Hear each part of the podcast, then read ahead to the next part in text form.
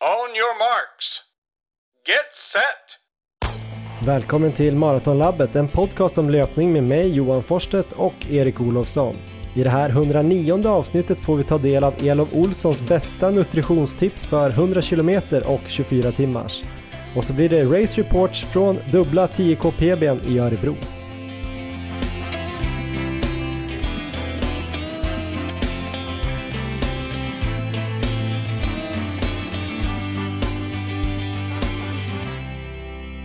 Ja, men då har vi alltså kommit fram till avsnitt 109 av podcasten Maratonlabbet och som vanligt är det jag Johan Forsstedt och Erik Olofsson som gör den här podden. Hur är läget Erik? Det är bra Johan. Jag är återhämtad efter våran urladdning förra veckan när vi sprang 10 km.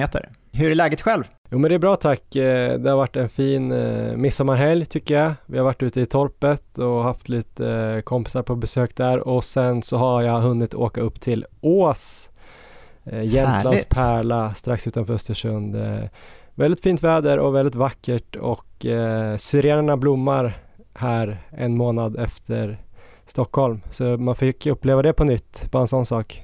Vilken grej! Har du tagit några av dina Strava-segment där uppe? Nej, jag har inte hunnit göra det än. Jag kom i, igår kväll vid nio snåret och började kolla lite på uh, Belgien-Portugal. Sen så stack jag ut strax innan halvtid, missade då Belgiens mål, gjorde en kort uh, runda. Det var ju typ solen stod ju högt upp uh, på himlen fortfarande fast klockan var då 21.40 eller någonting. Så det är mäktigt. Det är nästan midnattssol här uppe. Det är inte riktigt ovanför polcirkeln men väldigt ljust och härligt. Ja, det är bästa tiden på året nu. Loppen börjar komma igång, värme och eh, bara varenda pass känns ju härligt att vara ute och springa nu. Eller hur känns det själv? Jo, men det känns bra. Jag har varit ute och kört en eh, kortare distans idag också, 9 kilometer. Ehm, um, 18 grader var det bara här uppe, vilket var skönt för det har varit så himla varmt nere i, i Stockholm. Så det känns som att jag kanske har fått lite av den här äh, värmeeffekten. Att jag har fått äh, ökad blodvolym och äh, mer hemoglobin kanske. Mycket mer blod till mina muskler nu så att jag kan springa snabbare, mindre ansträngt. Jag tror jag sprang 4.30 fart på typ 130 i snittpuls, vilket är. Mm. är bra formbesked tror jag. Själv då? Ja, men det har rullat på bra. Jag har väl kanske inte kunnat springa riktigt eh, lika mycket som jag hade önskat sista veckorna, men eh, ändå hållit i det ganska bra med kontinuiteten och vi fick in ett lopp här i veckan och nu närmar sig mina två huvudmål här för året än så länge, så att det kanske är lika bra att jag inte ligger uppe på den här allra högsta volymen. Det blir lite en sån här ofrivillig formtoppning, så att eh, vi får väl se hur det slår ut. Det låter lite likt min träning också. Dock är jag ju på ännu lägre volymer då tyvärr, men eh, det kanske blir bra. Eh, vi kommer komma tillbaks till eh, och snacka lite inför ditt nästa lopp. Vi kommer också komma till en intervju med e-, Elof Olsson som kommer eh, att prata om 100 kilometer och 24 timmars, lite taktik och ja, nutritionslära höll jag på att säga. Det blir väldigt kul att lyssna på det. Men först skulle jag vilja prata om en roadtrip som du och jag har gjort. Just det, det var trevligt. Ja, väldigt trevligt. Det var 2002, hösten 2002. Jag jobbade på Dentalpartner AB, jag körde budbil. Jag krockade ganska mycket den hösten, men jag vet inte om jag hade berättat det för er. Det ja. var du och min kusin Daniel då som jag skulle bjuda med på en roadtrip till Eskilstuna. Kommer du ihåg det här? Ja, det kommer jag ihåg mycket väl. Det var så här att Håkan Hellström hade släppt sin andra mycket efterlängtade skiva. Det är så jag säger det. Jag kommer ihåg att jag var nere i söderort på någon sån, eh, någon sån dag när jag jobbade och skulle hämta någonting i något köpcenter som jag skulle köra någon annanstans och eh, gick och köpte en fysisk då CD-skiva. Det måste vara en av de sista fysiska CD-skivorna jag har köpt faktiskt. eh, vad är det, 19 år sedan snart. Vi har säkert kanske några unga lyssnare som inte ens vet vad det här är för något. Jag orkar inte gå in på det, men ni får googla. Eh, om man nu gör det, om man är ung. Det kanske bara vi gubbar som googlar. Det kanske finns något ännu fräschare och nyare. Man TikTokar kanske. Gå in och TikToka det här, CD-skiva. Jag kör ju Altavista eh. fortfarande. Ja, just det. Det jag skulle säga då, komma in på då innan den här historien blir alldeles, alldeles för lång. Det var att han skulle spela då i Eskilstuna på ett ställe som heter Blå, ett litet ställe vi fick för oss att vi skulle åka dit. Jag vet inte om jag sjukanmälde mig eller om jag tog ledigt. Jag tror jag tog ledigt, för jag är inte helt oärlig person. Men lyckades ändå få låna då den här bilen som jag hade. Eh, vi körde ner eh, till Eskilstuna, gick in på det här stället, hade en jävligt trevlig kväll innan då konserten började. När konserten kom igång gick du och jag, eh, försökte ställa oss längst fram. Eh, han kom in, sjöng eh, Det är så jag säger det, han sjöng eh, Minnen av aprilhimlen och Känner ingen sorg såklart och Ramlar. Och någon gång där under Ramlar, då tror jag det var en ganska stor, ganska biffig kille faktiskt. Som stod där mitt i ett hav bland eh, små eh, sådana här eh, pandatjejer med eh, sjömanskostymer. som blev så tryckt Ja. mot det här stängslet eller staketet Ja. längst fram. Så att du, det här var alltså du Erik. Så det var tvungen att bli överlyft och ja, fick du syrgas där framme eller?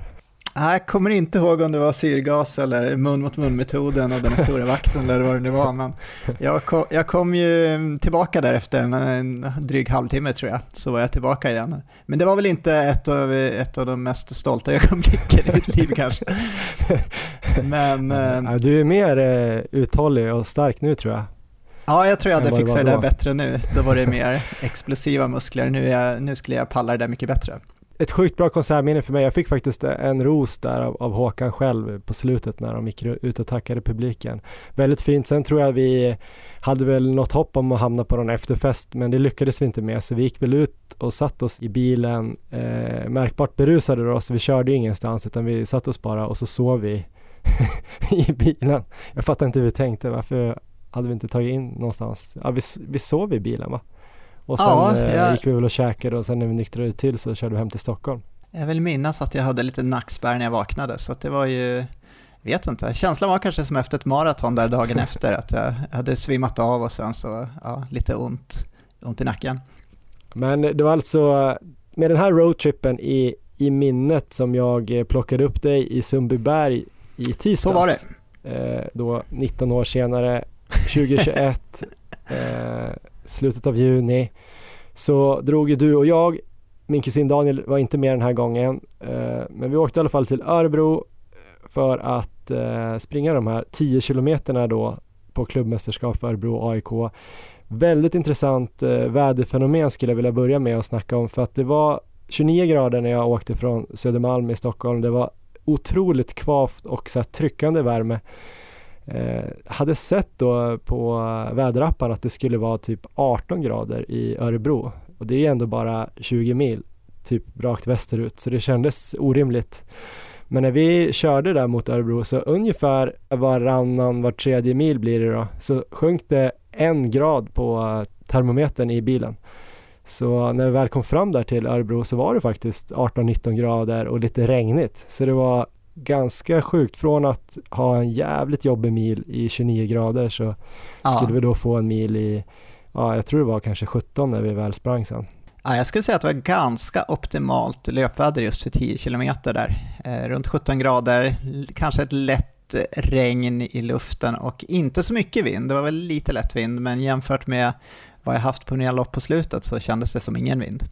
Ja men du har ju sprungit i orkan. Jag skulle ändå säga Ja. att det var det var lite mer vind än optimalt och lite varmare än optimalt. Alltså nu snackar vi optimalt, optimalt, men det var helt klart bra. Eh, Ska vi Ja. gå in på loppet eller ska vi Ja. snacka något mer? Snacka bana tycker jag. Bana ja, ja den var ju Ja. väldigt speciell. Ska du dra banan eller? Banan var som följande, att man sprang 5 kilometer i princip eh, raka vägen på en cykelbana och sen så gjorde man en 180 graders vändning, sprang tillbaka och sen var det sista kanske 200 meterna man vek av på en liten, eh, liten grusväg där man sen gick i mål. Så att det var ju asfalt, eh, helt perfekt där, platt och fint i 9,8 kilometer och sen slutet var lite stökigt för då var det lite grus och lite gräs och lite vattenpölar. Ehm, Så det var ju sämsta, sämsta biten men då var man nästan i mål. Så väldigt eh, bra förutsättningar för att springa snabbt. Tror i och för sig att det var de 200 meterna som jag presterade bäst på, på hela loppet. Ärligt Du är ju bra i terräng. Ja, det var en gammal banvall för, för, för de som vet saker om banvallar. Eh, så det var en speciell bana, eh, speciellt ställe men eh, ja, jävligt bra förutsättningar för att kunna springa fort då. Och vi startade ju i samma grupp, det var tre startgrupper eh, som startade ungefär 20 varje tror jag det var med 10 minuters mellanrum. Och eh, Sanna Mustonen var ju också med från Stockholm. Hon åkte inte med oss men vi eh, hängde lite med henne inför där och ni stack ju iväg ihop i en klunga precis framför mig när starten gick. Ja. Eh, och jag hamnade då i en klunga precis bakom som jag ledde, eller ja, efter kanske 500 meter så gick jag upp i, i ledningen av den. Och det kändes som det var ett helt gäng eh, sub 35 jagare där. Jag hade ett tag där efter ungefär en kilometer när det fortfarande bara kanske var typ eh, 10 meter fram till dig och Sanna hade jag någon liten eh, hybrisidé om att liksom springa fram och ta eran rygg. Men jag tror att ni ökade lite just då. Så jag höll mig där bakom, vilket jag inte vet om det var bra eller dåligt. Jag tror att det var bra. Men eh, ska jag gå in på mitt lopp först och sen så tar du ditt lopp eller hur ska vi göra? Ska vi, vi sprang ju inte så mycket ihop egentligen så att uh... Ja, men jag tycker vi gör så. Du är ju igång här redan. Um, ska vi nämna något om vilken tid jag hade tippat på dig innan eller? Du, på tal om mentala gränser och så här mentala strategier så kändes det som att du satte något typ av maxprestation för mig redan i bilen när du sa typ att det var bra om jag gjorde under 35 men att du trodde att, var, att jag kunde göra 34-45. Om jag gjorde under det var det jättebra. Då låg jag bra till för att springa under 34 på, på bana sen två veckor ja. senare då. Eh, så det sa du ju. Jag hade nog eh, någon dag innan där när det kändes väldigt, väldigt bra. Jag hade gjort några bra pass veckan innan i den här jättevärmen i Stockholm och så såg jag här att det skulle droppa 10 grader och tänkte att vad fan, det här kanske är löpargudarnas sätt att säga till mig att skärp dig nu Johan, tro på dig själv, satsa nu stenhårt. Det får bära eller brista. Någon gång måste det ju bara mörsa in eh, någonting oväntat. Så jag hade ju börjat tänkt att gå på 34-20 eller något tänkte jag ja. var rimligt. Jag tror fan att det är rimligt alltså. Men eh, det är en lång historia varför jag tror det. Så, eh, men då sa du 34-45 och då kändes det som, ja men då springer jag väl ungefär på det, någon sekund snabbare. Så då sprang jag på 34-42 och det var min race report. Grymt. har, vi, har vi någonting mer att tillägga?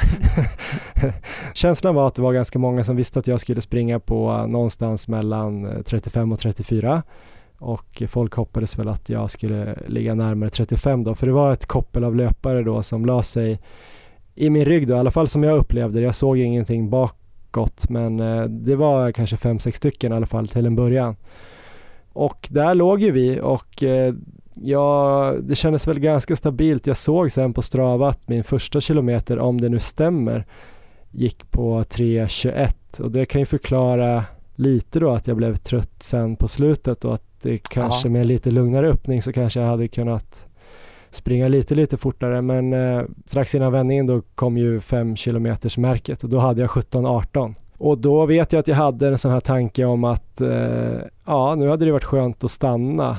Fast eh, ja, då hade det varit ett ganska bra pass ju, 5 kilometer i, i den här farten. Eh, men då gjorde jag väl lite av de här taktiken att eh, att acceptera smärtan och, och re refokusera, tänka om, men vad fan håller jag på att tänka på? Det är så jobbigt är det ju inte, för jag tänkte samtidigt att om jag hade stannat där och vilat en minut så hade jag kunnat köra en femma till, så det var snarare någon typ av tröskelkänsla i alla fall, men du vet lite obehagligt. Skönt att stanna, men det gjorde jag inte. Någonstans där mötte jag ju också er, för ni hade precis vänt och du hejade ja. lite på mig.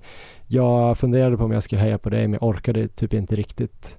Jag tänkte på det där när jag när jag såg dig där att du grinade lite illa, så jag tänkte då att det här är nog ett ganska tufft lopp för Johan ändå. Men det kändes som att du var väldigt nära oss samtidigt, så att jag eh, tänkte att du har nog ändå spänt bågen ganska bra. Men jag tycker det var spännande att höra det där. Var det lite som eh, Malin Sundström var inne på i förra avsnittet där, att du, du körde efter den här linjen helt enkelt med att upptäcka och eh, acceptera och sen lyckades du nollställa och bara hitta ett nytt fokus eller? Ja, jag vet inte om jag gick igenom, du hade ju någon lista där och om det var nio steg och sen hade du fem olika grejer som man skulle tänka på. Jag tror det mesta jag tagit med mig är i alla fall att eh, känna av det här och att försöka vara i nuet. Ja. och inte tänka så långt fram när det gör ont utan eh, komma tillbaka och bara tänka på att jag ska bara ta nästa steg och sådär och, och kanske då acceptera också att det kommer smärta på 10 km lopp. Så när jag började tänka där att det skulle vara skönt att gå av då det var väl någon typ av refokusering att jag Ja. eh, tog mig själv in i nuet igen och inte började tänka på att vad skönt det skulle vara att stå vid sidan av utan nu är jag faktiskt här och kan springa och det är härligt och det är en bra kväll och eh, det är rakt och fint. Och det är kul att jag har folk i ryggen. Det betyder ju att eh, jag kanske är snabbare än dem då eftersom de verkar ju inte orka dra. Ja, och hon beskrev ju det som att det kunde hända bara på en mikrosekund, att man liksom kunde bara switcha om. Så det känns lite som att eh, du har gjort det, det kanske inte är medvetet, eller så är det lite medvetet för att du har tänkt på de bitarna innan, men det är, jag tycker det låter väldigt bra att eh, det bara liksom händer i stunden. Mm. Nej men sen så var det ju vändningen där och eh, då upplevde jag att jag hade tappat några av de här som låg i min rygg och jag såg sen någon, någon film på Instagram att det var två som var ganska tight i min rygg där och två som var kanske 5-10 meter bakom och sen var det någon som hade släppt mer. Men det var väl min upplevelse tillbaks där också att jag egentligen hade två killar som låg tätt i min rygg och flåsade och jag var väl ömsom stärkt av det och ömsom lite småirriterad måste jag väl ändå erkänna på att jag inte fick hjälp då. Men det är ju helt och hållet såklart eh, helt enligt regelboken att ligga och ta hjälp av någon. Men det var ju faktiskt lite motvind eller sidvind, alltså sned motvind på vägen tillbaks. Jag tror att du låg lite i rygg så du kanske inte upplevde det lika mycket men eh, det var ändå något man kände av, speciellt där. Det var, det var ju som öppet fält, eh, åkrar på sidorna eller vad man ska säga. Ja. Så det var faktiskt en kille där som eh, gled ikapp mig. När jag tyckte att jag kanske började tappa lite så kom han upp jämsides så då trodde jag att ja men vad skönt nu går han om och drar lite men så stannade han precis i snett bakom mig på höger sida och eh, då förstod jag ju att eh, ja, ja, det är exakt där mitt vindskydd ligger. Så låg han bara där och mös eh, vilket ju var bra för honom för jag tror att han persade sen så det var askul. Det här har varit din lott lite på slutet, att eh, hamna där och dra folk.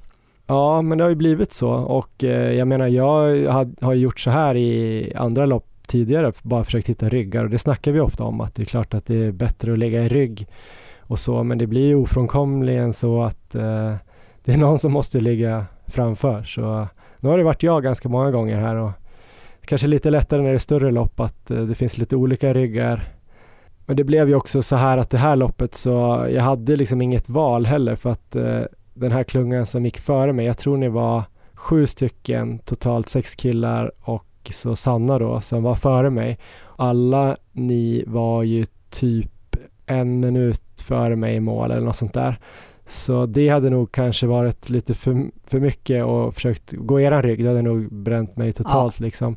Och sen var det ju ingen förrän jag och där var det ju ingen annan som bevisligen orkade dra för jag lyckades ju komma först till slut av den här, äh, i den här andra klungan. Så att hade jag gått bakom dem så hade jag antagligen fått ännu sämre tid. Så att eh, det, jag gjorde mitt lopp helt enkelt. Ja, men så är det. Men i alla fall så, äh, jag tyckte att det var ganska obehagligt kontrollerat fram till sex ändå. Det är jättesvårt att bara vara i nuet. Alltså när man kommer till sex så är det ju lätt att tänka så här, ja men nu har jag sprungit mer än hälften och nu är det fyra kvar och det har jag ju alltid tyckt var en bra tanke.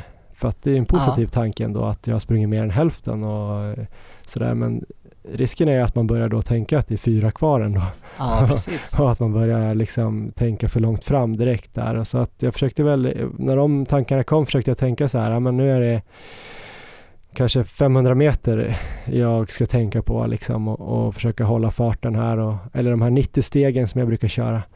Så jag Ja. lyckades väl ändå bryta ner det väldigt mycket och så att jag i princip var i nuet fram till 7-8 där och vid 8 då började faktiskt jag känna att benen blev eh, tunga, att jag liksom inte fick lika mycket tryck i varje steg. Så där eh, kan jag nog börja tappa lite, lite fart. Men då försökte jag då och då göra några så här tokryck för att bli av med de här två som låg i min rygg. Jag började typ racea mot dem lite grann.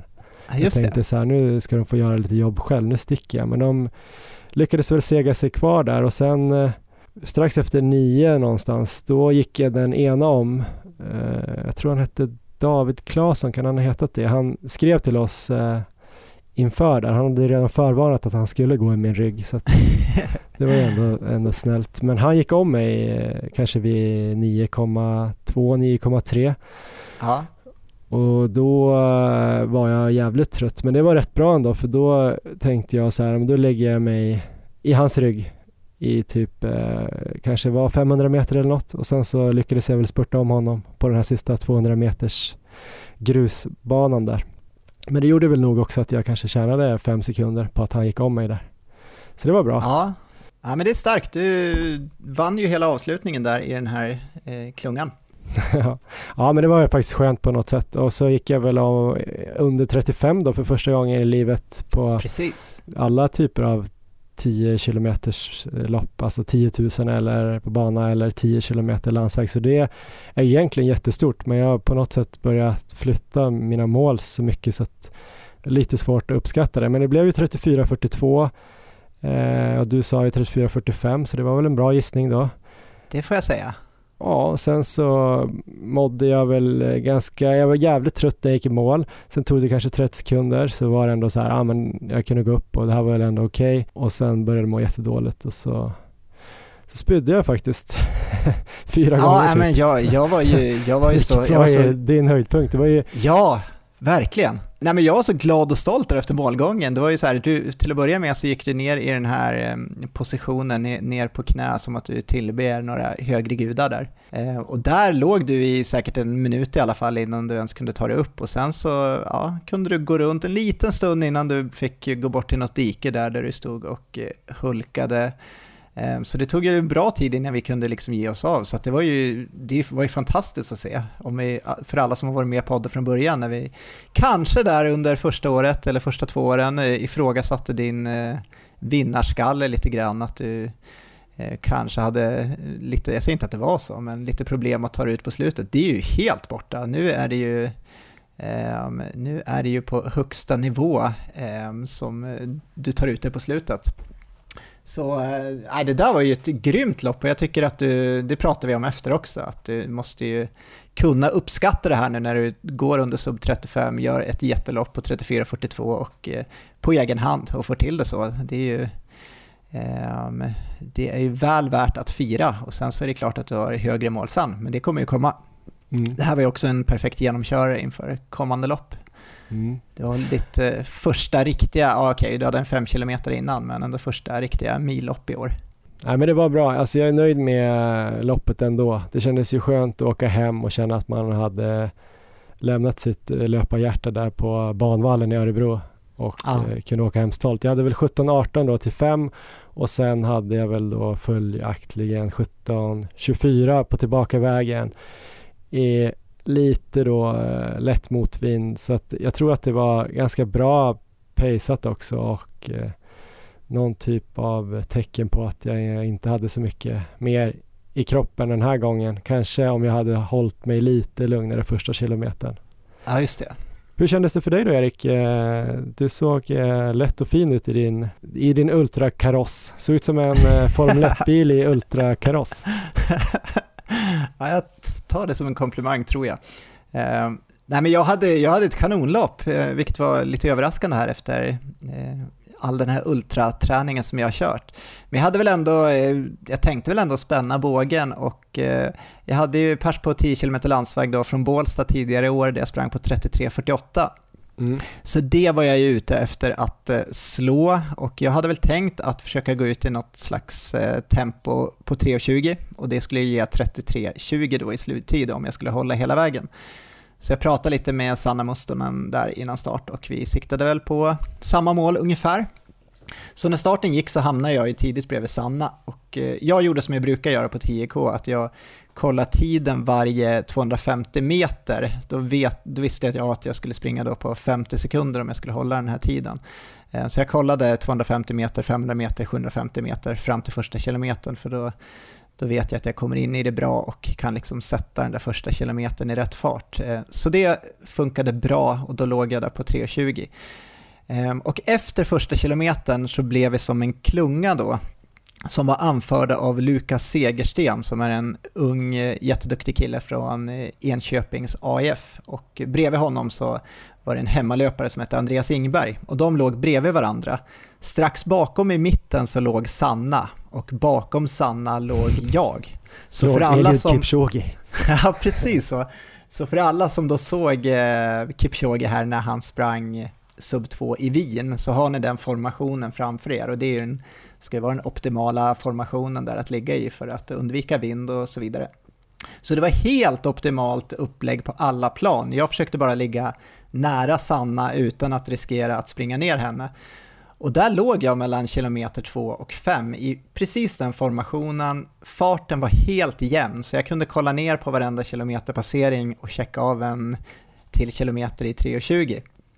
Om vi då återkopplar till det förra avsnittet vi hade när vi pratade mycket om det här att vara i nuet eh, så tänkte inte jag alls de här tankarna som jag brukar ha på hur långt det var kvar eller hur jobbigt det var utan där kunde jag verkligen vara i nuet och jag sprang bara och uppskattade att jag fick ett så perfekt upplägg och liksom fick vara där i Örebro och springa med de här duktiga löparna och det kändes kontrollerat och bra och eh, Eh, att vara i den där formationen, att vara Kipchoge där, det var bara så fantastiskt. Så att eh, det lyckades ju väldigt bra och det var ju mycket tack vare då att eh, det här loppet utformades som det gjorde. Men sen efter drygt 5 km då när vi ska göra den här 180 graders vändningen och springa tillbaka så började den här Kipchoge-formationen spricka upp lite. Ingberg tappade lite så Lukas hamnade istället eh, själv längst fram och sen var han följd av Sanna och sen låg jag där bakom då som nummer tre. Och då började jag känna att Sanna kanske tappade någon meter där. Så då fick jag ta ett snabbt beslut om jag skulle ligga kvar i hennes rygg eller om jag skulle försöka gå fram och gå med Lukas. Eh, och då valde jag att eh, ändå gambla lite och försöka gå ikapp honom. Han såg ut att gå väldigt starkt där framme, men det kändes ändå bra. Så att jag eh, började liksom jaga efter honom. Jag hade väl eh, 8-10 meter kanske fram till honom. Så sjätte kilometern där Eh, då fick jag ligga på ganska bra för att komma upp i hans rygg, så den gick väl på så här 3.18. Och eh, där gick min puls då upp från att eh, tidigare ha legat väldigt kontrollerat eh, på tröskel så hamnade jag här ett par slag över. Men känslan var ändå rätt bra och Eh, jag kunde fortsätta att ha det här fulla fokuset på nuet. För jag ville inte tänka då så här att jag, hur långt är kvar nu, vilken fart måste jag avsluta i för att nå målet och så vidare, utan jag sprang fortfarande och eh, försökte uppskatta vilket bra upplägg jag hade fått hela loppet och bara totalt fokus på att inte släppa Lukas rygg. Jag försökte att inte kolla på klockan utan eh, bara vara där och liksom bita mig fast. Eh, och jag är i motsatt situation eh, mot vad du var i ditt lopp här när du var den som låg där framme och eh, och drog så jag smög ju bara med där bakom och jag hade ju gärna hjälpt till om det hade varit möjligt där, om vi liksom kunde eh, dra båda två. Men jag låg verkligen så på gränsen för vad jag klarade av. Eh, vi höll jämn 3.20 fart nu och fortfarande upp till 8 km men eh, jag kunde bara inte liksom gå fram bredvid för att då hade jag knäckt mig kändes det som. Och på kilometer 8 då började han öka, Lukas där. Så jag bet mig kvar allt jag hade fram till 8,5 men där kunde jag inte hänga på längre. Så kilometer 9 gick på 3,17 för mig och då fick jag ändå släppa en bra lucka till honom så han hade ju en rejält bra avslutning där. Så eh, sista en och en halv kilometern fick jag göra själv men då var det liksom bara att tänka på att ge allt, inte slänga bort det här optimala loppupplägget eh, som jag hade lyckats få då. Så jag höll väl i det ändå tycker jag bra sista kilometer som också gick på 3.20 och sen så kom jag i mål till slut på 33.15 och hade då en negativ split där andra halvan gick fem sekunder snabbare. Så det var ju ett helt jämnt lopp i princip, vilket ju inte alls var min förtjänst, utan det var ju, jag får ju verkligen tacka Lukas Segersten där som gick i mål, jag tror han gick i mål strax över 33 efter en sån här ruskigt snabb avslutning, men eh, Ja, men det, var, det var kul, det var ju jättebra formbesked här verkligen. Och liksom kul, och, kul att kunna slå pers på de här kortare distanserna efter att ha kört ultraträning mm. hela vintern. Vad tänker du kring det då, att du lyckas persa med en halv minut eller något och inte har tränat så mycket, de farterna? Dels överraskad, jag hade väl ändå inte trott att jag skulle kunna springa riktigt så här snabbt, men eh, det är ju väldigt kul att det, att det ändå liksom ger så mycket, att hålla i den här kontinuiteten och att även de här långsamma farterna gör att man blir snabbare på eh, kortare sträckor. Så det känns ju riktigt kul och lovande. Det, det är bra också för självförtroendet känner jag nu inför, inför kommande lopp, även om det liksom är helt, helt andra grejer jag ska ge mig på när jag ska springa 100 km och 24 timmar så känns det bra att eh, formen är på gång. För jag gissar att jag kommer behöva eh, verkligen ha dagen när de loppen ska, ska ske. Summa summarum en eh, rolig kväll, en härlig kväll i Örebro. Ett jättefint arrangemang, supertrevliga medlöpare och arrangörer. Eh, ja men det var, det mesta var ju toppen tyckte jag den här kvällen. Eller vad säger du Erik? Det här gör vi om om 19 år eller? Verkligen. Vilken, i slutändan då, vilken roadtrip eh, tyckte du var bäst? Ja, men jag måste ju ändå säga att det var lite roligare att se dig bli överlyft över det här kravallstaketet när det var några så små nätta tjejer som hade tryckt dig lite i ryggen. Eh, än, än, att du lyckades så här bra och att jag fick stå och spy typ. Nej, men jag måste säga 2002. Ja. Det blir ja, sämre och sämre. Det. Jag förstår det. Jag, jag sätter dem likvärdiga. Ja, men vi har ju också en eh, viktig samarbetspartner till Maratonlabbet. Det är ju Löplabbet. Eh, det är ju Sveriges största butikskedja för löpning och löpare. De har åtta fysiska butiker och så har de ju då sin hemsida löplabbet.se där de också har en eh, väldigt bra webbshop och säljer alla sina prylar. Där finns det också en massa annan information som eh, distansskoguider, temposkoguider. Det finns en massa klipp just nu med Ulf Friberg som förklarar allt från ja, långpass till tröskel till eh, tempopass höll jag på att säga, men intervallpass och allt möjligt. Så gå in och kolla där. Det är också så att på tal om tävlingar då så är Löplabbet med och sponsrar den här tävlingen på Anderstorp som går av stapeln 13 juli som jag tror är arrangerad av Helle IF. Eh, det är ju SM på 10 km landsväg bland annat. Eh, Anderstorp, Erik, väcker några minnen för dig? Väldigt eh, starka minnen för mig. Det var där jag sprang SM i halvmaraton förra året på den banan och hade ju en, en av mina större löparupplevelser skulle jag ändå säga när jag Eh, springer där och vrålar eh, loppet fram i duell mot Kristoffer Hiding som jag då eh, tyvärr förlorade, men det var ju det var en härlig upplevelse och jag tyckte det var eh, kul och inspirerande att springa på den banan. Jag vet att alla inte tyckte det, men för mig var det ju häftigt att vara på en racingbana och tävla. Just det, och nu är det alltså SM 10 km som det handlar om och det är väl både juniorer, eh, seniorer och veteraner där som tävlar. Det är dessutom eh, finns det ju en halvmara tävling också som man kan springa och eh, kul att Löplabbet går in och, och stöttar det här loppet som känns roligt och det är jäkligt tråkigt att varken du eller jag kan komma till start. Ja. Jag åker ju till Japan för att jobba med OS och för dig ligger det ju mittemellan då SM på 100 km och SM på 24 timmar så det kanske hade blivit lite mycket att klämma in ett till SM där. Ja, tyvärr blir det nog lite för hårt. Men i alla fall så kommer ju då Löplabbet tillsammans med Sokoni kommer ge ut fyra par Sokoni Endorphin Pro 2 och eh, det kommer de ge ut till då fyra löpare som stått för extraordinära prestationer under den här äh, tävlingshelgen. Och det behöver inte handla om tid eller placering utan det kan ju då handla om äh, det som du och Hiding höll på med förra året med att ni bitchslappade er själva i ansiktet och, och, gjorde ett riktigt fint upplopp. Det kanske är att någon springer med någon rolig krokodildräkt eller eh, jag vet inte vad de kommer kolla efter men eh, det är intressant då så jag tänker att ni får åka dit eh, om ni inte redan anmält er så anmäl er, åker dit och gör en extraordinär prestation så kan ni också eh, vinna ett par skor helt enkelt. Kul. Ja, det, där, det där gillar jag, det där låter ju riktigt roligt. Det är nästan som att bli sugen att åka dit bara för att kolla på loppet. Nu kanske man inte får det i de här eh Eh, coronatiderna, eh, att vara publik, men eh, kul idé. Jag såg att det skulle sändas på friidrottskanalen.se, så där kanske man kan sitta och kolla då på mäktiga extraordinära prestationer.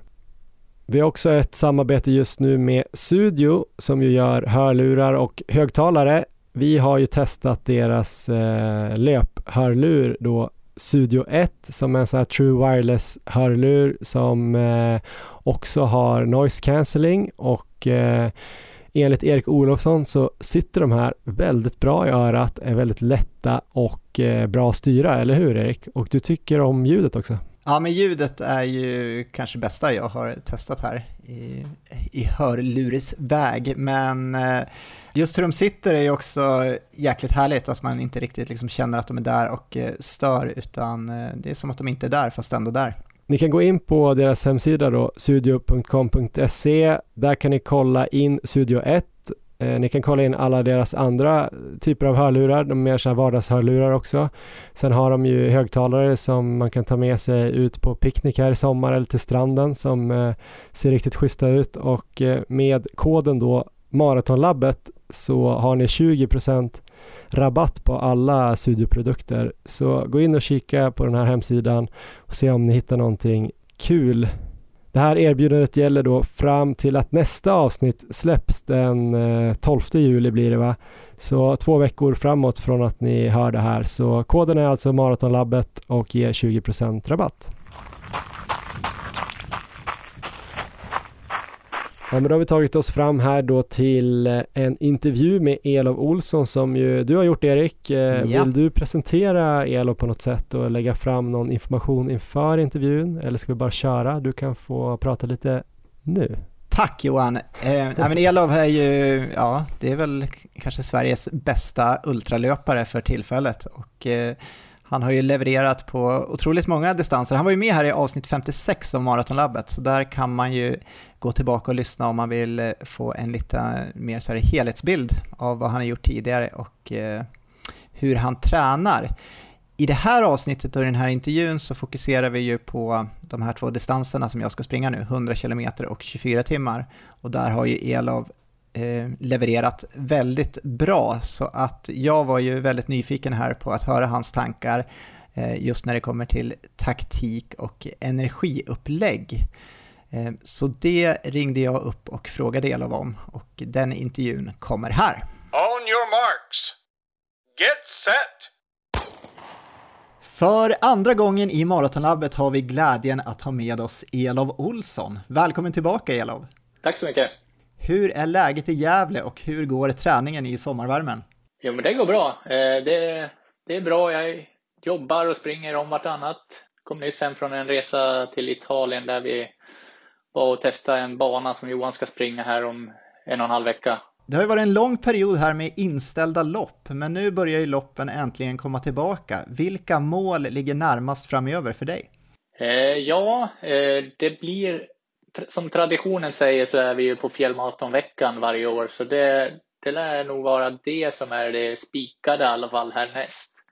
Men det skulle kunna bli att jag eh, ställer upp i SM på 100 kilometer, men det är inte helt bestämt än. Jag är inte anmäld, eh, så det låter jag väl vara osagt, men eventuellt. Spännande, jag hoppas vi får se dig. Jag hoppas jag får se dig där på startlinjen. Jag kommer ju också springa den. Det kommer ju faktiskt vara min ultradebut. Och eh, det är lite det vi ska komma in på här idag, för att jag har ju anmält mig nu både till SM på 100 km och SM på 24 timmars löpning, så det är ju två riktigt tuffa distanser där du har presterat riktigt bra. Så att jag tänkte vi skulle gå in lite idag på taktik och energiintag för båda de här distanserna. Om vi då börjar med 100 km där du har ett personligt rekord på fantastiska 6.38.44 kan du berätta lite om dina erfarenheter från den distansen? Vad har du haft för taktik inför de lopp du har sprungit? Ja, 100, 100 kilometer är en, en, distans som jag tycker är väldigt rolig. Eh, det är en liksom bra distans där det både gäller att ha lite tempo och eh, även uthållighet. För det är, det är ändå ganska lång tid man måste liksom hålla tempot uppe. Liksom. Det är lite som eh, maraton, att det är Eh, Eh, det är en startsträcka i början liksom, där det är väldigt lätt och sen är det en väldigt lång transportsträcka innan det på slutet liksom känns att man närmar sig målet och kan göra den här slutspurten om man har krafter kvar. Och ibland kan det ju bara bli att man får gnugga in de där sista kilometrarna. Men börjar det bli tungt tidigt så blir det tungt. Liksom. Men min, eh, ja, min taktik där är väl försöka springa och känna kroppen kroppen, liksom springa på känsla. För det någonstans eh, handlar om att känna sin kropp. Eh, men det, det tror jag är oavsett distans. Och ibland så får man dippar och det lär man nog vara beredd på. Eh, någon gång under ett sånt långt lopp så det kommer dippar men det, det brukar kunna vända och det, det är jag medveten om och brukar kunna göra bra avslutningar efter att jag har varit trött ett tag. Liksom.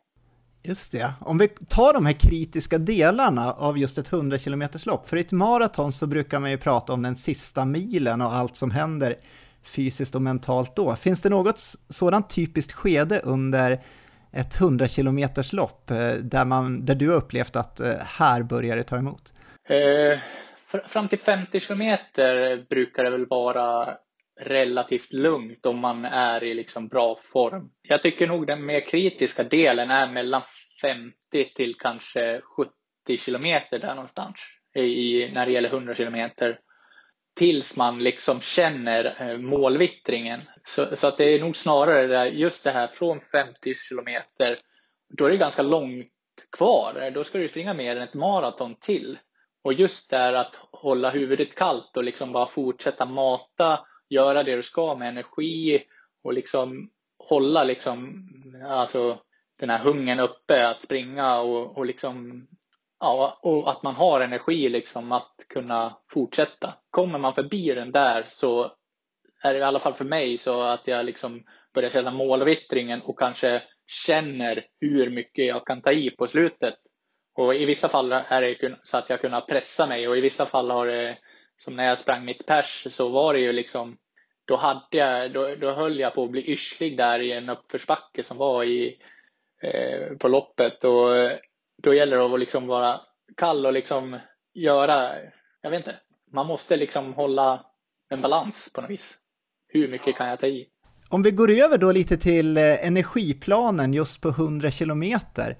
När börjar du ta in energi och vätska och eh, hur mycket och vad tar du in? Det jag tycker har varit bäst när det gäller 100 kilometer tror jag är ungefär en gång i halvtimmen. Och jag börjar väl egentligen redan för, efter först en halvtimme ungefär. Alternativt när jag har kört fem kilometer att jag, eller äh, när det är fem kilometers varv, att jag, då kör jag nog var 20 minut ungefär varje fem kilometer. Men då, då bör man ju lägga upp det så att det, du får lite mindre och sådär så att du delar upp det så att du får kanske oavsett om det är en halvtimme eller 20 minuter så får du i dig lika mycket på en timme. Eh, och jag brukar väl kunna ligga där och runt eh, 100 gram kolhydrater per timme eller 400 kilokalorier om man nu räknar på det viset. Och då delar jag upp det liksom och, beroende på om det är var 20 minut eller var, varje halvtimme. Eh, varje halvtimme tror jag att eh, kanske passar bäst för mig. För då får, då får magen vila lite mellan gångerna lite längre liksom. Annars känns det som att det blir så tätt in på varandra hela tiden. Spännande. Varierar det vad du tar beroende på vart i loppet du befinner dig just på 100 kilometer? Tar du någonting annorlunda i början som du inte tar på slutet eller är det samma typ av energi du tar in hela vägen? Ja, jag, just 100 så har det väl varit eh, ganska snarlikt eh, för jag, jag, tycker inte att eh, jag eh, reagerar så starkt på koffein. Annars hade det kanske varit en bra grej att ta mer mot slutet och liksom få, få en extra kick av det. Men så som jag oftast har gjort på 100 km så har det varit att jag kanske tar varannan gel med koffein och så blandar jag med sportdryck. För det är mest sportdryck och gels som jag ja, variera mellan under loppets gång. Då. Så jag brukar köra varannan grej. Liksom. Det kanske går en, en timme, en och en halv mellan att jag får en koffeingel ungefär. Det skulle väl vara det då, men det är under hela loppets gång så det beror ju såklart på lite hur, hur eh, energin är också. Går man ner så kanske man försöker få i sig någonting för att få en, liksom, en skiftning och eh, en liten energikick på något vis eh, för att bryta eller komma ur den här dalen som man är på väg ner i liksom. Eh, jag tänker på, eh, om vi tar en riktigt varm dag, Om det är varmare än vanligt och man svettas mycket, laddar du upp inför loppet då med någonting speciellt, just när man tänker på elektrolyter och salter och tar in någonting under loppet för att undvika problem? Jag tänker att det, det om man jämför med ett maraton så här är man ju ute mer än dubbla tiden. Så jag tänkte att det kan bli lite problem där kanske. Jag har inte så ofta tagit extra salt och sådana där saker eh, under lopp, eh, utan det handlar nog mer om att man ska dricka efter törst eh, i det fallet. Jag brukar inte liksom vätska upp eh, något överdrivet. Jag, jag äter väl kanske lite extra kolhydrater och dricker lite sådana här carboloaders eh, eh, inför lopp. Men om det är just för att det är extra varmt, ja, jag dricker väl efter törst oavsett liksom. Känner jag mig törstig så dricker jag extra. Så det är väl likadant eh, under loppet. Eh, blir jag för varm och känner att jag är törstig så dricker jag. Men annars eh, rent energimässigt så försöker jag väl lägga det liknande. Men det, däremot på slutet så brukar det kunna bli att man är mer törstig än man är sugen på energi. Vilket kan vara lite farligt eh, också att man, liksom, man blir inte så sugen på att få i sig det här söta utan man är mer törstig och bara gillar vatten. Liksom. Ja, om vi då går över till 24 timmar, där har du ju sprungit 263,7 kilometer, så det är näst längst någonsin i Sverige. Och jag tror ju själv att du har eh, kapacitet för längre om du skulle få till ett riktigt bra lopp, vilket ju i och för sig är lättare sagt än gjort på just denna distans. Så om vi tittar tillbaka till debuten för dig på 24 timmar, hur hade du lagt upp det då rent taktiskt och hur upplevde du debutloppet? När började problemen komma? Ja, det var en spännande upplevelse. Eh, då hade jag väl inte så mycket erfarenhet kring eh, att lägga upp en bra energiplan. Vi visste ju att jag skulle få i mig energi ungefär, och, eh, men sen stack ju Johan iväg och köpte massa olika alternativ. Liksom hade jag inte haft med mig Johan så hade det liksom blivit pannkaka och alltihop tror jag. Eh, men eh, han var ju med oss som support och eh, stack och köpte massa grejer. 24 timmar är ju så himla lång tid så det var väl inte att jag hade bästa magen. För jag hade ätit var det tacos dagen innan eller det var inte bästa valet.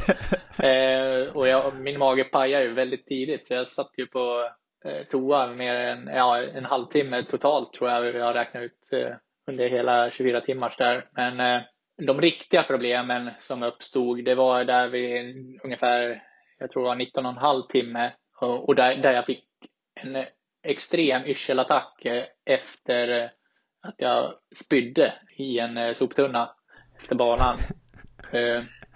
Så ja, jag gick som en zombie i Eh, ja, nästan två timmar tror jag.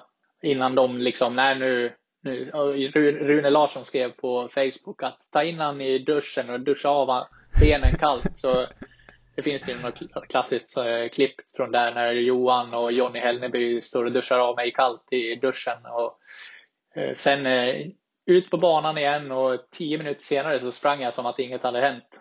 Och då, då klarade jag av att springa resten vilket var en fantastisk upplevelse att liksom känna på att vara så, så djupt nere, liksom bara vingla in i stängsle och liksom knappt kunna röra sig framåt till att liksom kunna springa och göra en sån spurt som jag gjorde då sista timmen. Så det, det var coolt. Men eh, rent energimässigt så hade jag ju ingen perfekt plan, men jag fick väl i mig på något vis tillräckligt för att ta mig igenom 24 timmar. Ja, det där är ju fascinerande. Vi har ju hört om den här händelsen förut. Eh, jag sprang ju ett halvmaraton för någon månad sedan i väldigt varma förhållanden och efter loppet så hoppade jag i och badade och då var det fortfarande riktigt kallt i vattnet. Och det gjorde att jag liksom hyperventilerade och kroppen fick verkligen som en chock när jag kom ner i vattnet. Är det den känslan man lite är ute efter när man kör den här kallduschen? Eh, vad, vad är det liksom som händer där? Blir, blir det att man ändrar tillstånd och att man liksom tänder till igen? Kan du beskriva det? Eh, jag kan nog inte beskriva det rent, uh, vad, säger, man, fysiologiskt. Uh, men själva grejen var väl att blodet stannar i benen. Man får inte riktigt bra blod, blodtillförsel upp till huvudet. Så, så det blir liksom syrebrist i hjärnan på något vis. För att allt, allt blod liksom stannar i benen. Inte stannar kanske, men det blir väldigt segt liksom och du får inte tillräckligt med syre upp till huvudet och då blir du yrslig. Eh.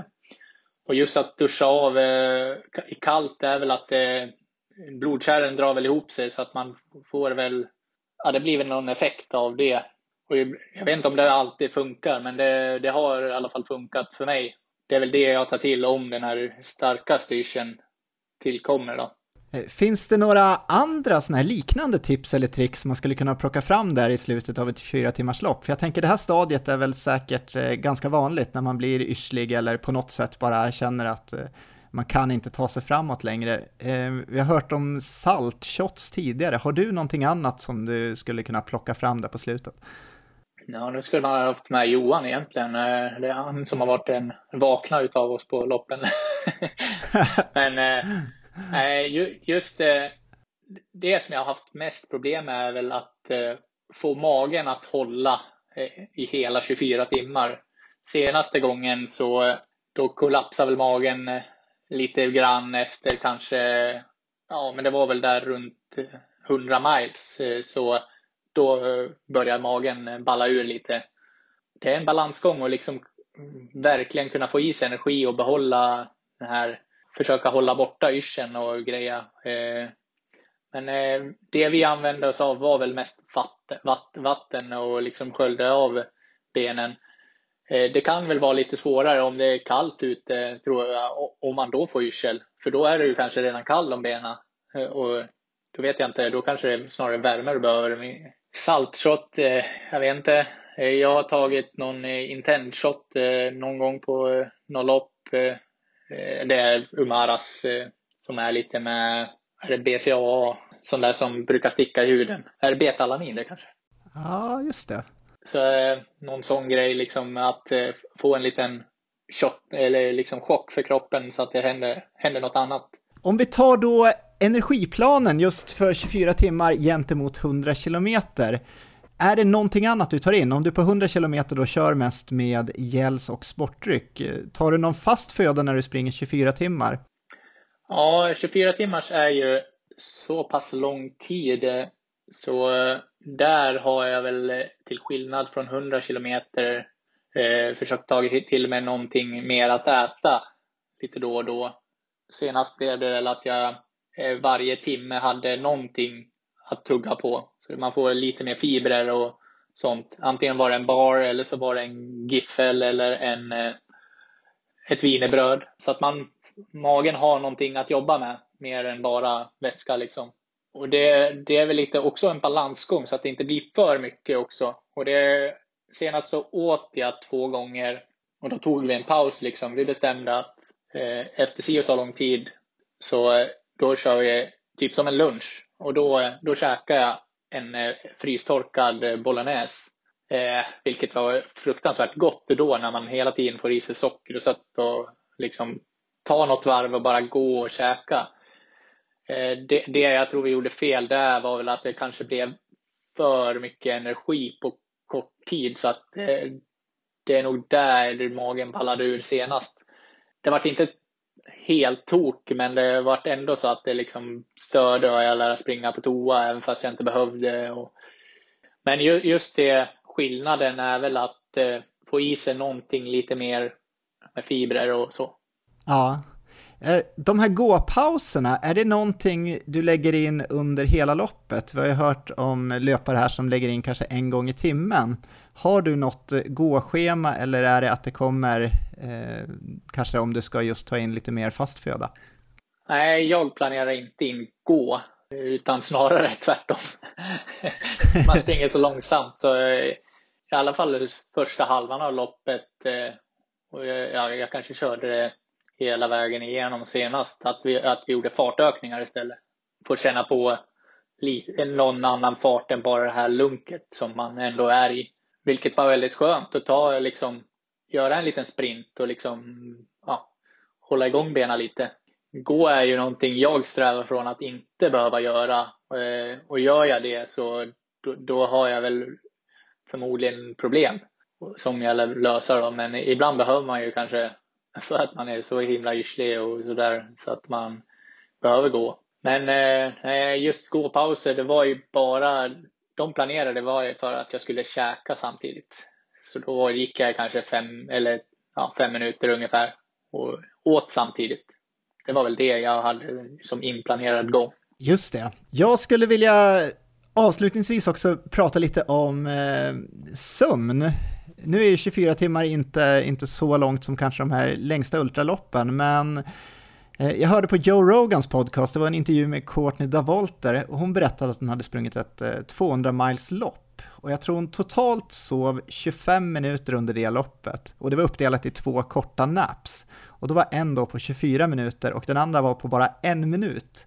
Och där beskrev hon det som att hon, hon var helt slut och hon la sig ner och sa att de skulle väcka henne efter en minut, vilket de gjorde. Och sen så kände hon sig piggare än någonsin efter den och kunde fullfölja loppet strax efter det. Så min fråga lyder, på ett 24 timmars, hinner man komma in i ett sådant stadie där man blir så trött att man skulle kunna lägga in en snabb powernap, kanske en till fem minuter för att få en nytändning? Hur har du upplevt eh, sömnbiten? Jag har inte gjort det på 24 timmars.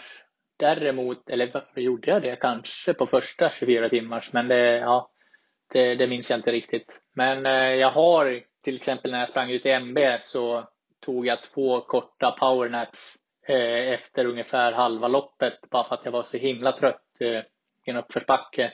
Och det var ju väldigt varmt så att det var ingen fara liksom i kylan eller någonting. Så jag, jag la mig på en sten och hade telefonen med timer på, på fem minuter körde vidare, kände väl att det inte var tillräckligt, så körde åtta minuter till. Och så sen körde jag vidare. Då var det väl att det bara kickade in så att totalt trött, eller liksom sömnighet och, och sådär. Så då har jag använt mig av det. Eh, och annars har jag väl, även när jag sprang, eh, försökte springa hela Gästrikeleden förra året så körde vi, då fick jag också sån här, efter 100 miles, då fick jag Eh, lite yrsel och då kände jag liksom det är så pass långt kvar så jag, nu måste jag liksom få sova av mig lite yrsel liksom för att kunna fortsätta. Och då sov jag 20 minuter. Jag vet inte om jag sov ordentligt. Det var lite svårt att sova när jag väl skulle. Men eh, sen körde vi vidare och efter ungefär 23 mil så tog jag en till sån här, nej nu måste jag få vila eller alltså somna igen.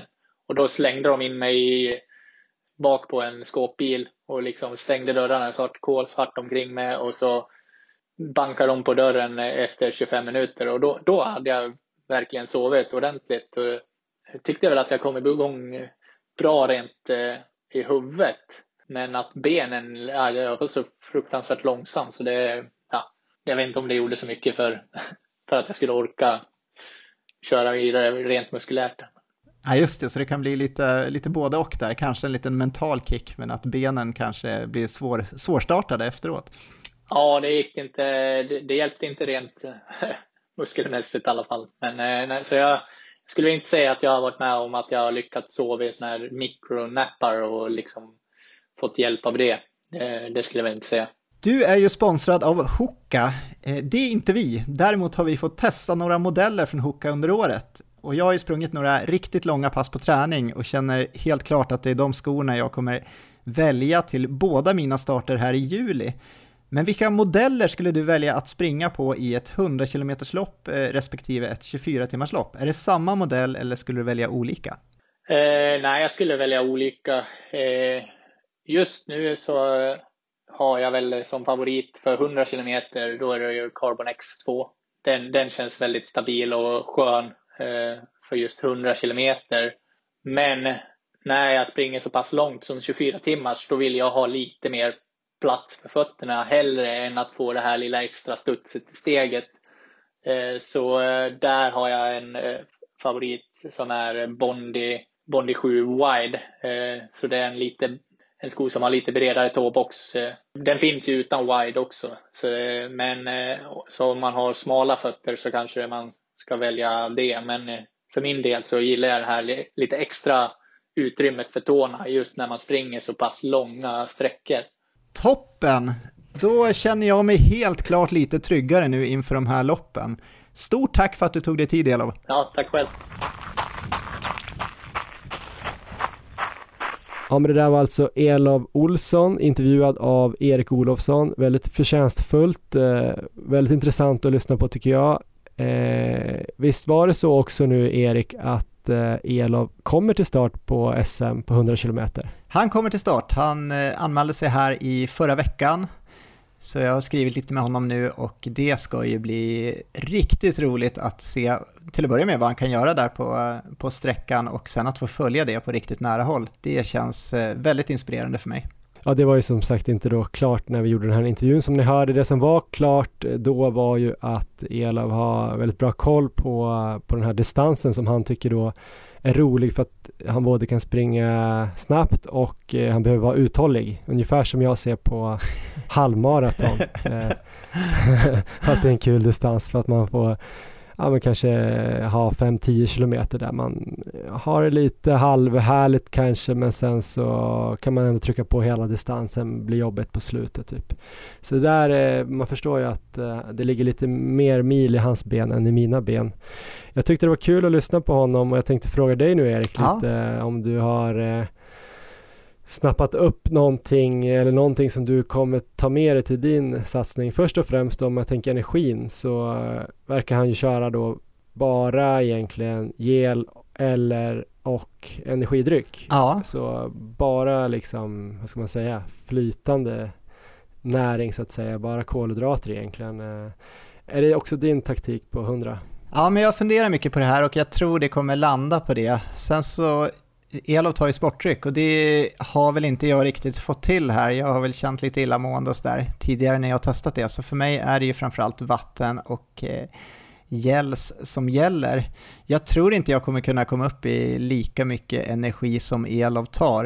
Eh, för det var ju ganska mycket han fick i sig där i timmen som han beskrev. Mm. Eh, jag ska försöka ändå komma ganska nära det men eh, jag siktar nog på det att eh, köra vatten och gel. Jag kanske kör lite så här eh, Tom Swartz-tänk från början tror jag, så att jag eh, kanske väntar en dryg mil eller någonting innan jag börjar ta energi. Eh, men sen kommer jag försöka ta med ganska jämna mellanrum så att det blir väl eh, någonstans, ja, var, kanske ungefär som jag gjorde på Jordbro Marathon när jag tog var 50 kilometer, för där fungerade det väldigt bra. Då var det ju kortare distans såklart, men samtidigt så sprang jag ju i högre puls än vad jag kommer göra eh, i SM. Så eh, det är nog min plan på förhand. Du nämnde inte det nu när du sa att han tog ganska mycket och du inte kommer komma upp till det, men han nämnde ju 100 gram i timmen. Ja. Eh, vilket ju är mer än vad vi någonsin har fått i oss ja, på något lopp skulle jag säga. Förut brukade man ju prata om att man kunde få i sig 60 gram kolhydrater i timmen att då tarmen eller magsäcken kunde ta upp det här ungefär en gram kolhydrat per minut och sen så har det ändrats då till 90 gram kolhydrater om man blandar då glukos och fruktos som jag förstår det. Så 90 gram skulle då kanske vara möjligt att ta upp men han är ändå uppe här på 100 gram vilket jag också har läst folk som, som kör på det och det kanske är lite individuellt och hur mycket man har tränat på det och så men Körde du, sa du sex eh, gels på eh, senaste maran där? Ja, precis. Ehm, och då att köra samma upplägg som Elov och få i mig lika mycket energi i timmen, det skulle innebära att jag skulle behöva ta fyra gel i timmen, så var 15 minut. Och det, det kommer jag ju knappast palla, och speciellt inte så länge. Så att jag, jag kommer ju få ta mindre, ehm, men eh, jag inser också vikten här när Elav nu tar så mycket, vikten av att få i sig mycket energi. Så att eh, det kommer ju bli fokus verkligen från mig att eh, Eh, få i mig så mycket jag bara kan och så länge som möjligt. Sen så gissar jag att det kommer väl komma något illamående där under andra halvan som gör att man inte vill ta, men där gäller det väl bara att helt enkelt försöka fortsätta hålla planen så länge det bara går. Hur var den här banan? Ser det ut som ni ska springa? Är det fastställt hur ni ska kuta? Det var rätt kort va? Varvbana? Det är fastställt nu att banan kommer vara 975 meter lång, så det blir alltså drygt 100 varv vi ska snurra runt. Det är alltså en löparbana som är förlängd med att man också springer runt en fotbollsplan. Tanken från början var ju att det skulle vara en 5 km bana i centrala Halmstad och det hade ju varit eh, väldigt kul om det hade gått att genomföra, men det var väl polistillstånd och sådär som gjorde att det inte gick. Så det blir alltså en 975 meter lång bana. Det är lite synd att det är så kort tid kvar för att annars så, jag tror ändå att eh, hans strategi är rätt bra där med att kombinera gels och, och sportdryck. Eh, för i sportdryck brukar det vara, ni var inne och snackade lite om salter och elektrolyter, det brukar ju kunna vara tillsatt i sporttryck Ja, har jag precis. fått för mig. Eh, så då hade du kunnat skylt ner då en gel i halvtimmen med eh, sporttryck och sen hade du kanske kunnat tagit eh, någon klunk sporttryck varje kvart också. Då hade du nog kunnat kommit upp, kanske inte hade behövt gått upp mot 100 gram i, i timmen för det är kanske risk för magras och sådär men kanske kunde kommit upp lite grann. Då, då kan man ju typ skippa att dricka vatten för man får i sig vätska Ja. ändå då. Så slipper man ett moment. Ja, nej, men så är det nog. Jag måste nog börja testa, testa med sportdryck också. Jag hade ju från början när vi startade podden problem med gels också, få i mig det. Men det har jag liksom gått att eh, vänja mig vid. Jag har ju faktiskt sprungit eh, 100 kilometer här tidigare i år. Det var den 16 april som jag körde en egen, en 25, 25-varvsfrossa faktiskt på en 4 kilometer bana, den här Slavstabanan i Uppsala. Eh, som jag la upp som ett lopp där jag försökte liksom prestera så bra jag bara kunde och sprang eh, ja, så fort jag kunde med energiupplägg och då eh, hade jag också med banan i energiupplägget så jag började liksom att eh, det var min första energi. Jag tog banan i början och gick över till gel sen. Jag tror väl att eh, ehm, ändå inte att jag kommer köra på det upplägget utan jag hoppas att eh, det ska funka med gels den här gången just med tanke på att Jordbro Marathon då gick så, så pass bra att jag fick i mig så mycket energi som jag fick i mig där. Innan vi lämnar det så tänker jag bara då eh, peta in där då att Jordbro när du säger att du fick i dig väldigt mycket då var det alltså under 60 gram kolhydrat per timme så det är nästan hälften av vad Elof kommer äta. Ja, Bara så du vet. Ja, precis. Sex gels på Tur att du är dubbelt så två och en bra. halv timme. Dubbelt så bra som Elov. Elof. ja, Är det något mer du väl. plockar upp från den här intervjun just på 100? Ehm, ja, men det är lite som jag känner igen här från när jag sprang själv, när han pratar om den här kritiska punkten. För att då, jag höll ju 65 kilometer då, sen så väg- väggade jag ganska rejält och eh, eh, där fick jag ju slita riktigt ont. Så att det blir ju viktigt med så här utgångsfart och försöka ändå eh, hålla hålla där helt enkelt och ha fullt fokus där och där kommer väl de här bitarna som vi har pratat om här eh, i förra avsnittet och även idag om att vara i nuet och eh, jag är medveten om vad som kan hända där. Vad blir utgångsfarten då? Det är jättesvårt. Det är många faktorer som fortfarande är kvar känner jag. Vädret kommer ju spela in helt klart hur, hur pass varmt det är.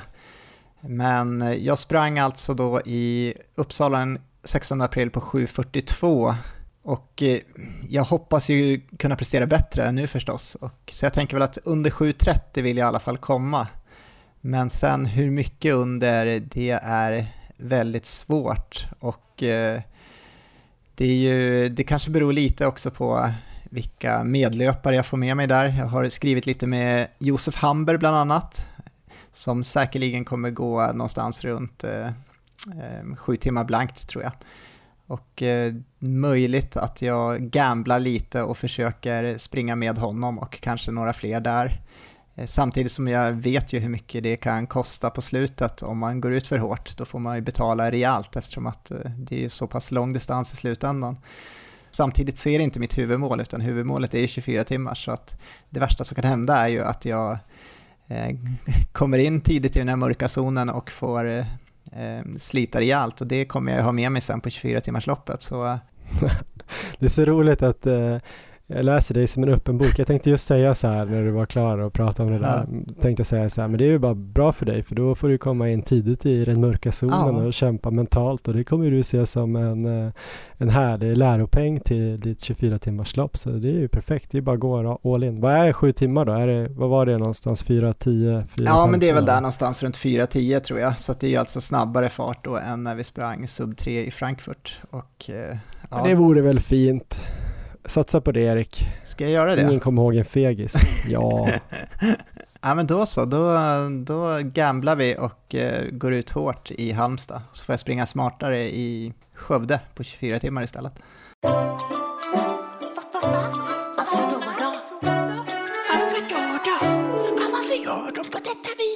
Det där var alltså Martin Jarbäcks eh, superfina jingel för eh, veckans fråga då som vi kör då i våra avsnitt. På den senaste tiden har jag fått en fråga från flera olika håll om eh, vilken laktatmätare som eh, folk borde köpa. Och jag är absolut ingen superexpert men jag äger ju faktiskt en laktatmätare och jag är ju journalist och gillar research så visst har jag ju kollat lite om den verkar bra eller inte.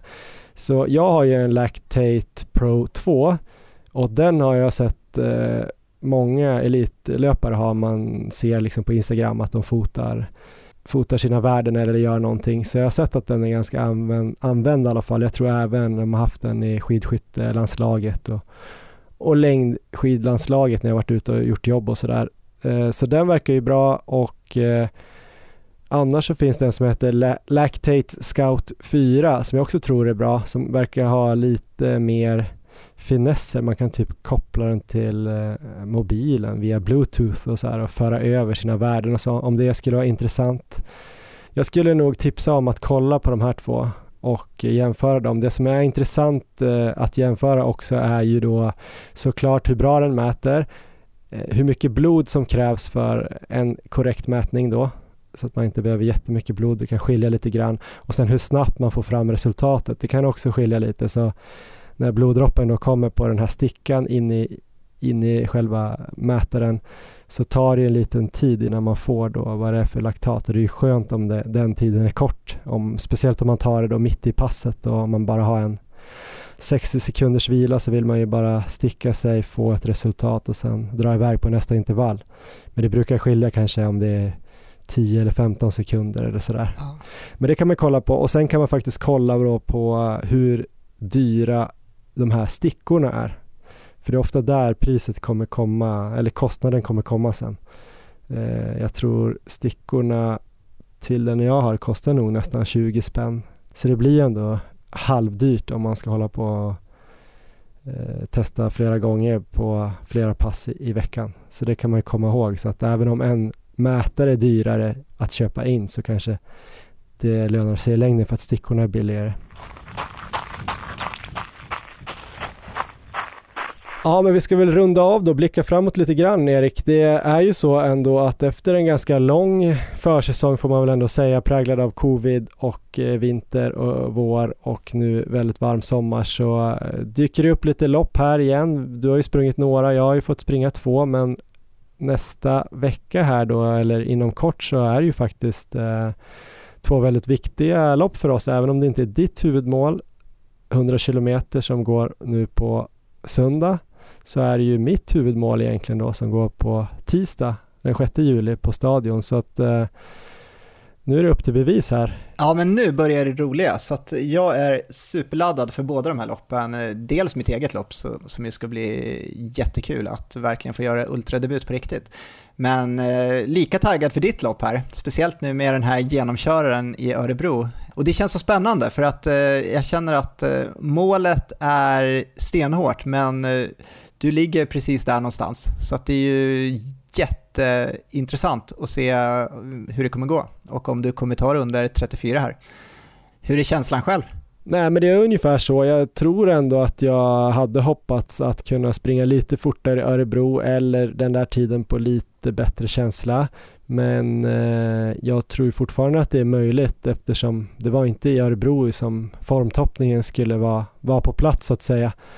Eh, så jag hoppas ju också att den tävlingen i sig ger mig någon procent till inför stadion här. Sen får vi väl hoppas lite såklart på förhållanden. Det ser ut att bli en sån här värmeknäpp här nu till så att vi får väl se hur varmt det blir. Jag hoppas ju nu eftersom jag springer i den på den långsamma kvällen så att säga att jag hamnar i det snabbaste hitet, vilket jag verkar göra och då är det ju sen start. Så det kanske är åtta eller nio till och med. Aha. Så då borde det ändå ha kunnat sjunka några grader så det kanske blir uthärdligt i alla fall. Det skulle vara jobbigt att få en sån där 28-29 grader och sol. Ja, men jag, tror, jag tror hårt på dig här inför nästa tisdag. Jag tror den här genomköraren kommer göra mycket och eh, det jag framförallt hoppas få se är ju eh, att du ser likadan ut efter loppet som du gjorde i Örebro där. För får vi se det igen, då har det gått snabbt. Jag tycker det kändes härligare där längs banvallen att stå och spy lite än vad det kommer göra inne på Stockholms stadion.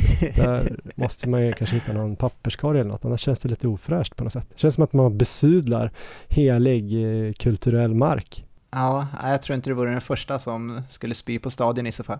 Själv då Erik, eh, vad tänker du då inför eh, söndag blir det va? när det här släpps. Det är bara fem dagar kvar då. Ja, precis. När vi spelar in nu så är det sex dagar kvar. Jag har sprungit eh, två mil idag i hyfsad fart ändå, någonstans eh, strax över tävlingsfart eh, på söndag skulle jag tro.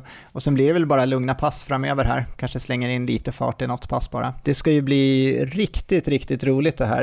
Eh, det kommer ju vara många duktiga löpare där och just den här känslan och när det är en ganska kort bana ändå, att få springa och se alla eh, ganska mycket. Det kommer bli kul och sen får man väl se Elof springa förbi då och då också. Så det är ju, Mm. jag, jag är inspirerad och eh, jag är inställd på att det kommer bli ett krig men eh, framförallt nu efter de här två senaste avsnitten och allt vi har snackat om så känns det som att jag är förberedd på att ta det här kriget. Och om någon nu tänker kanske här att vi har fokuserat idag på eh, 100 km och 24 timmar och har fokuserat mycket på taktik och energi och eh, kanske släppt den mentala biten helt. Att, vad håller de på med? Det är ju ultra, det är den mentala biten som är 90%. Så har vi inte släppt den biten helt utan vi tycker det är så pass viktigt att vi kommer faktiskt tillägna hela nästa avsnitt också till den mentala biten. Och då har vi en intervju med en löpare som eh, är extremt bra på de här bitarna skulle jag säga. Eh, den intervjun är värd att lyssna på oavsett eh, vilken distans man springer. Så där kommer det komma eh, mer om det och därifrån har jag också tagit med mig mycket tankar som jag kommer med på söndag. Det är också värt då att gå in och kolla på vår Instagram, Maratonlabbet, här i veckan hur vi förbereder oss och sen på söndag kväll då borde man väl kunna gå in och se hur det har gått för dig och sen sent på tisdag kväll kanske man vet om jag klarar det här sub 34 eh, som har varit mitt mål hela, hela våren. Man kan också gå in och kolla på Strava då. När vi sen har klarat våra mål så kan man kolla bakåt. Hur har vi tränat då för att lyckas med det här? Så kan man göra det själv. Eftersom alla är likadana så funkar alla våra träningsprogram på alla människor. Eh, ja, och det var väl det vi hade den här eh, veckan Erik. Nästa avsnitt blir ett intressant avsnitt med lite fler race reports tänker jag. Ja. Och så den här intervjun då som du har höjt till skyarna här. Jajamän. Det ska bli kul att lyssna på den. Eh, Ha det bra Erik och stort eh, lycka till! Tack Johan och eh, detsamma, stort lycka till på nästa tisdag.